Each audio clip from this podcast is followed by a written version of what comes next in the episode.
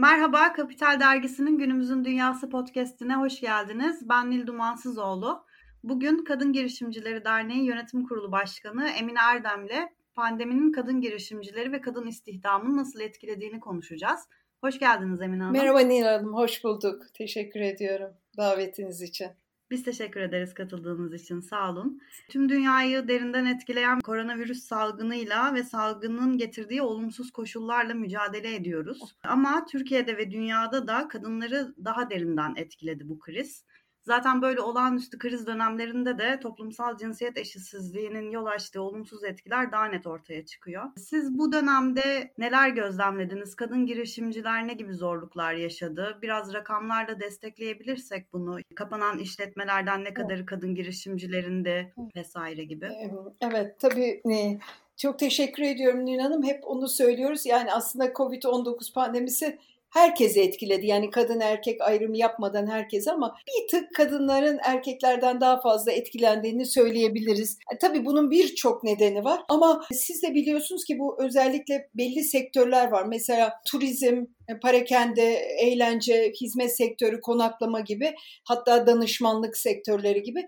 Burada daha ziyade ağırlıklı bir şekilde kadın istihdam ediliyor ve kadın girişimcilerin de bu alanda kurdukları işletmeler, şirketler daha yoğun ve dolayısıyla buradan en fazla etkilenen kadınlar olduğunu da söyleyebiliriz bu alanda kurdukları şirketlerden dolayı ve mikro işletmelerinin de çoğu kadın ağırlıklı. Özellikle UN Women, Birleşmiş Milletler Kadın Birimi ve OECD de hep şunu söylüyor. %70'i sosyal hizmet ve sağlık sektöründe çalışanların kadın ve maalesef kayıt dışı istihdamın çoğunluğu da kadınlardan oluşuyor. Daha az kazanan, daha az tasarruf edebilen, güvenli olmayan işlerde çalışmak zorunda kalan ya da tabii yoksulluk sınırlarına yakın şartlar altında yaşantılarını sürdürüp mücadele eden bir kadın profili var. Aslında dünyada da bu böyle ve en fazla da Covid'in etkilerinden de kadınlar maalesef daha fazla hissediyorlar. Tabii salgın olumsuzluklar getirdi ama ülkemizde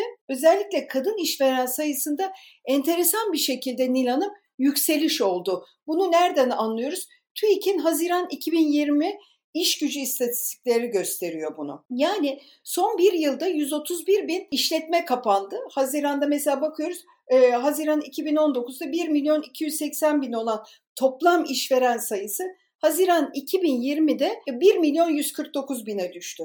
Ancak bu erkeklerde daha fazla bu düşüşü görüyoruz. 167 bin erkek sahipli iş yeri kapanıyor. Bu arada kadın işveren sayısı 36 bin yükselip 151 bine çıkıyor. Yani 131 birden 151 bine çıkıyor. Bir yerde %8'lerden %13'e gibi bir yükselme trendi gösteriyor kadın girişimci oranında. Çok farklı dinamikler var bunda. Bunun sosyopolitik ve ekonomik olarak da araştırılmasını yapıyoruz da. İyi bir tablo şöyle kadın işveren sayısının artması zor günlerde kadın girişimcilerin aile ekonomisine daha fazla katkıda bulunma çabalarının arttığını da görüyoruz. Bu trendinde aslında sürmesi de çok önemli. Tabii bunları sürerken de devletin hem destek mekanizmalarını hem devletin kamu politikalarının kadın girişimcilerden daha çok yararlanmasının gerekliliği de bu süreci daha da olumlu bir boyuta taşıyabilir düşüncesindeyiz. Fakat TOB'un yayınladığı bir veri var. O veride kadın erkek iş sahipliği bazında almıyor. Ancak toplam bazda baktığımızda Mart ayında önceki yılın yani 2019 yılının aynı ayına göre %17.3 düşüş gösteriyor. Aynı şekilde Nisan ayında önceki seneye göre %58, Mayıs ayında %48 gibi bir düşüş gösterildiğini gösteriyor. Yani kapanan şirketler genel globalde baktığınız zaman 2020 e, yılında Mart ayında 2019 yılına göre %19 küsur gibi bir artış gösteriyor. Yani bakıldığında bir azalma hiç ayrım yapılmadan bir kapanma noktası görülüyor. 2020 yılı Nisan ve Mayıs aylarında ise kapanan şirket sayısı 2019 ayına göre %42, %41.6 aylara göre azalıyor. Ve gerçek kişi ticari işletme sayısı ne diyoruz bu gerçek kişi ticari işletme sayısı? Yani sadece bir kişi var ya da yalnız başına işlettiği bir işletmesi var. Burada da yine geçen Nisan ve Mayıs aylarını kıyaslayarak %31 ve %14 gibi bir artış var, kapanma artışı. Yani sonuçta bir azalma var ama tam böyle yazın biraz daha bir trend yükselirken maalesef Ekim ve Kasım aylarında yeniden ikinci dalgayla bu etkileşim çok daha fazla olmaya başladı ve ekonomide hep onu diyoruz. Kadının varlığını geriye götürmemek, onu korumak, güçlendirmek. İşte biz Kagider olarak da hep bu noktada çalışıyoruz ve diyoruz ki politikalar planlanırken de uygulanırken de cinsiyetler arasındaki o fırsat eşitliğinin mutlaka gözetilmesi gerekliliğine inanıyoruz. Kagider olarak da biz zaten bu konuda özellikle çalışıyoruz. Ticaretten, teknolojiye, tarımdan, toplumsal hayata kadar kadının varlığını desteklemeli, temsiliyetini desteklemeli ve bu konuda da değişik çalışmalarımız var. Pandemi döneminde de bunu olanca hızıyla devam ettirmeye çalışıyoruz. Örneğin gerekli mentörlük destekleri veriyoruz. Deneyimlerimizi paylaşıyoruz. E, dokunuyoruz ve birbirimizden güç alıyoruz, enerji alıyoruz ve birbirimizin deneyimlerinden öğrendiğimiz çok şey var. Hatta bunu dijital platformlarda da çeşitli toplantılara da tarıyoruz. Bu dönemde ağırlıklı olarak çalışmalarımızı hani özellikle kadın girişimci sorunlarını da bir boyutta daha azaltabilmek, daha koruyabilmek dediğim noktada mesela kamu ihalelerinde kadınlardan daha fazla alım yapılması konusunda çalışmalarımız var. Bir yasa önerisi hazırlıyoruz şimdi. Genç kadınlara iş hayatına hazırlanmaları konusunda dijital ortamda eğitimlerimiz var. Teknolojide daha çok kadınların var olmasını, teknolojiyi daha çok kullanılmaları olmaları için eğitimlerimiz var ve tabii ki bu dönemde çok önemli ticaret ve ihracat bağlantıları, ihracatın nasıl yapılabileceği, network'ün ne kadar önemli olduğu, bunun konusunda geliştirmeler konusunda da çalışma yapıyoruz. Tarım sektöründe geçen sene yapmıştık. Pandemi döneminde de tarım sektöründeki geliştirme ve güçlendirme programımızdaki kadın girişimcileri hep destekledik, eğitimler yaptık. Şimdi yeni ikinci bir faza geçiyoruz. Bir de tabii şirketlerde fırsat eşitliğinin sağlanması için de projelerimiz var. Bizim Anadolu'da özellikle kadın girişimci network'ünü de genişletmek için pandemi döneminde de çalışmalarımızı sürdürdük. Çeşitli illerde istişare toplantılarını dijitalde yaptık. Ticaretin adıyla kurduğumuz bir portal var. Bu Avrupa Birliği kapsamında uyguladığımız portalda Burada bütün kadın girişimcileri bir havuzda toplayıp birbirleriyle iş yapmalarını hem yerel yönetimlerin, kamunun ve özel sektöründe iş yapmalarını sağlayacak bir potansiyel yarattığımız bir portalımız var. Bizim amacımız e, kadın istihdamında artışın sağlanması için ve sorunları daha minimalize edebilmek için çalışmalarımızı sürdürmek. Peki şey dediniz, e, kadın işveren sayısı bu dönemde arttı dediniz. Şunu merak ettim orada. Evet. Bahsettiğiniz kadın işverenler hangi sektörlerde yoğunlaşıyor? Kadın girişimcilerin yoğunlaştığı sektörlerden biraz bahseder Aslında, misiniz? Çünkü onlar da biraz böyle kısıtlı kalıyor sanki kadınların daha erkek egemen sektörlere de yayılabilmesi için neler yapmak gerekiyor? Belki onu konuşabiliriz. Aslında özellikle ben onu söyleyeyim Nil Hanım. Yani burada Eylül 2020'nin istatistiklerine göre bu artışın Türkiye'deki girişimciliğin %13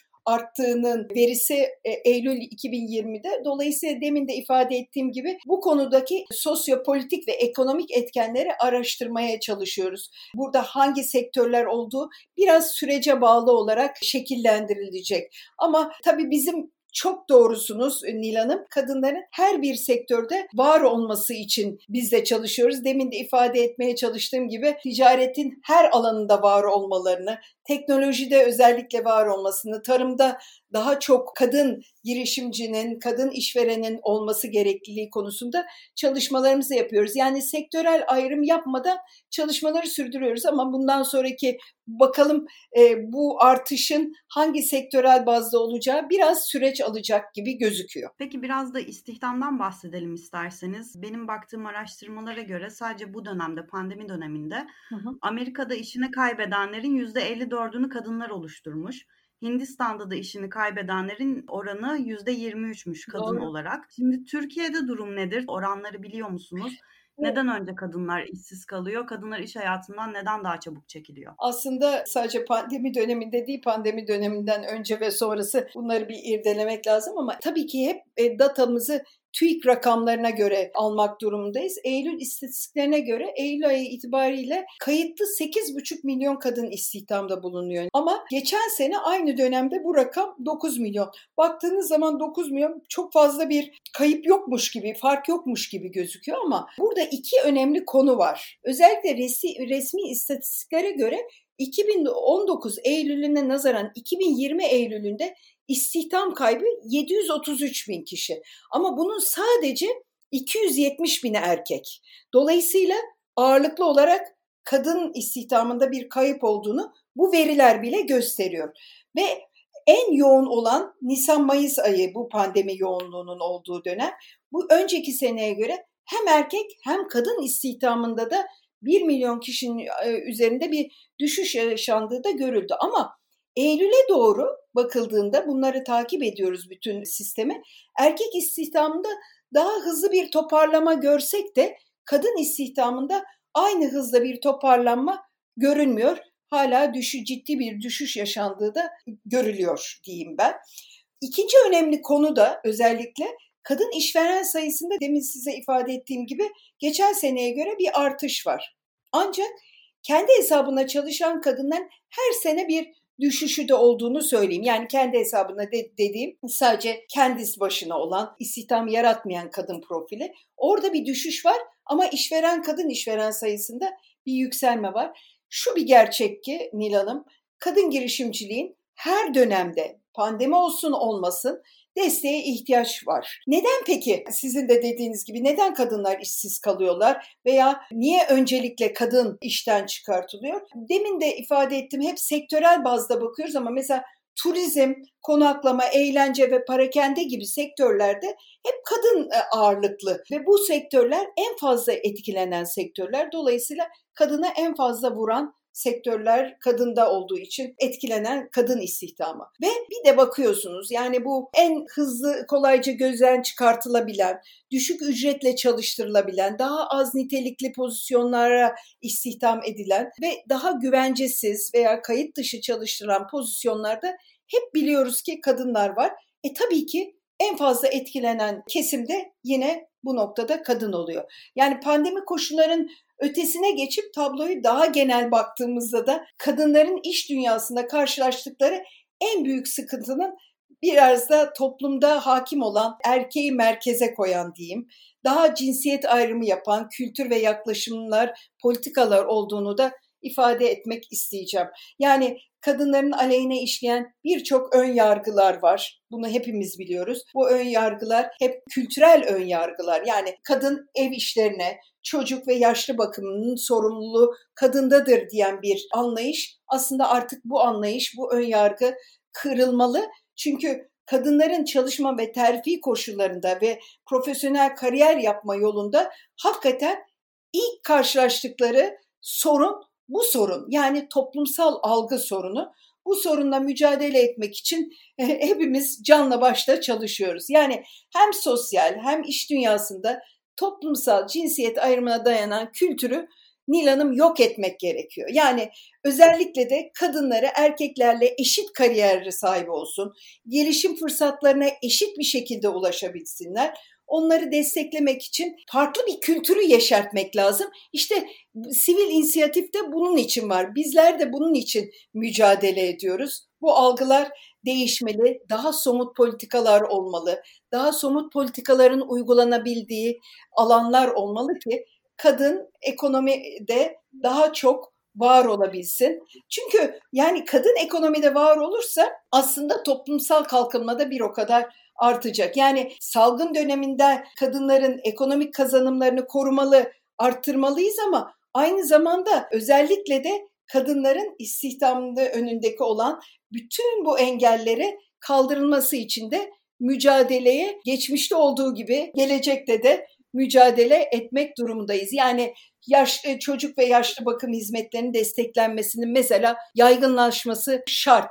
Mesela iş yerlerinde özellikle kreş uygulamalarının, süt odalarının katı kurallarla takip edilmesi şart. Ve de tabii ki fırsat eşitliğinin İK süreçlerinde de olmak üzere sağlanması için mücadele edilmesi gerekliliğine inanıyoruz. Doğrusunu isterseniz kararlı teşvikler, kararlı destekler, kararlı politikalar olmalı ve bunlar sadece e, bu pandemi dönemi değil. Pandemi döneminden önce de hep bunları söylüyorduk. Pandemi döneminde de tabii en sarsıntılı kesim kadınlar olduğu için bunu özellikle vurguluyoruz ama bundan sonra da izleyeceğimiz politikalarda devlete ve şirketlere önemli görevler düştüğünü hep vurgulayacağız ve bunun içinde farkındalık yaratacağız. Kamu politikalarına ihtiyaç duyduğumuzu defaten defaten söyleyeceğiz ve özel sektörde İK politikalarını daha tekrar gözden geçirmesi ve düzenlemesinin gerekliliğine inanıyoruz diye söylemek isterim. Şöyle demek istiyorum. Yani kadının iş hayatının içine çekilmesi aslında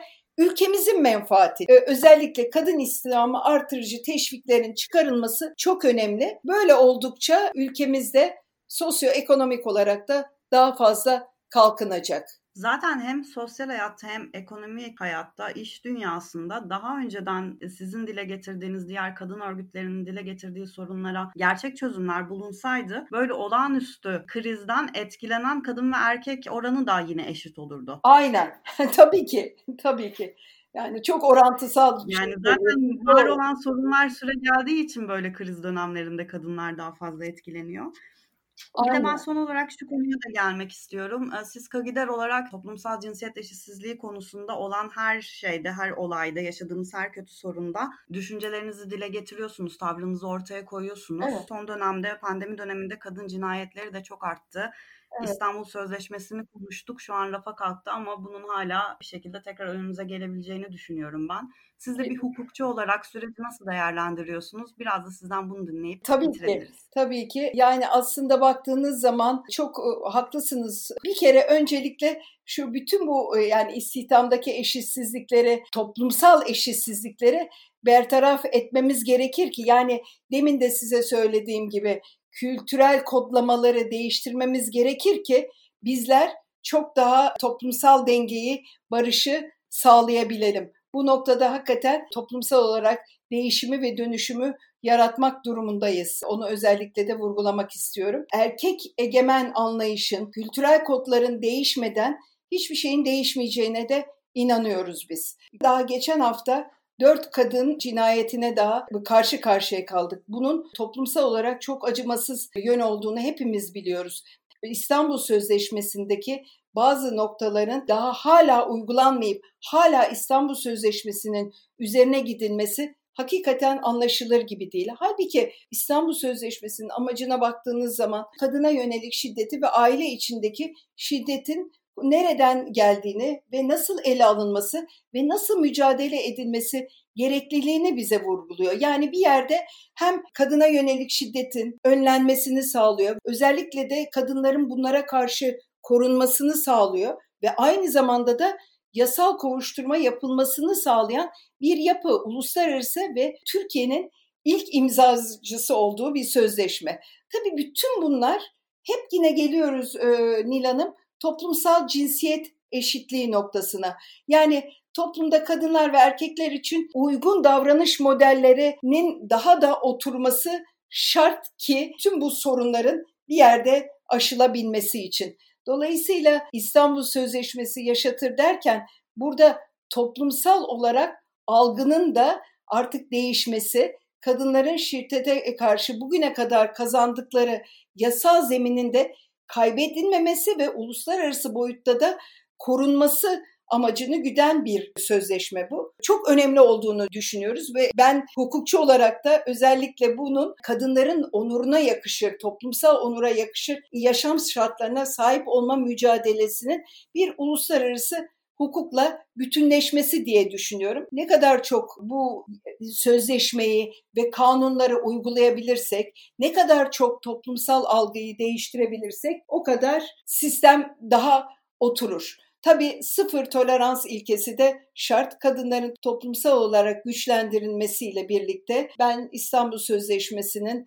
uygulanmasının gerekliliğini siyasi e, faktörün dışında düşünüp bunu toplumsal bir faktör olarak görüp İstanbul Sözleşmesi'nin yaşatılmasını ve yasal olarak da hala bağlayıcı olan ve onun takibini de yapmak durumunda kaldığımız bir noktadayız. Biz de her ne kadar Kagider olarak kadın girişimci, istihdam ve ekonomi bağlamında çalışmalarımızı, vizyonumuzu ve misyonumuzu sürdürsek de kadının her türlü güçlendirilmesi konusunda toplumsal algının değişmesi, cinsiyet eşitliğinin sağlanması ve tabii ki bütün bu olgulara karşısında kadına şiddetin bertaraf edilmesi noktasındaki çalışmalarda da uzun soluklu desteklerimizi de sürdürüyoruz diyebilirim. Peki Emine Hanım katıldığınız için çok teşekkür ediyorum. Aa, rica ediyorum. Rica ediyorum. Ben çok teşekkür ediyorum. Bir başka toplantıda görüşmek üzere diyorum. Daha yollarımız evet. düşecek Nil Hanım. Önemli olan kadınların güçlenmesi, ekonomik kazanımlarının korunması, arttırılması noktasında hep birlikte sizler de bizim görünen yüzümüz oluyorsunuz. Bizim için çok kıymetli. Çok teşekkür ediyorum. Birlikte işbirliğimize devam etmek dileğiyle. Sağ olun efendim.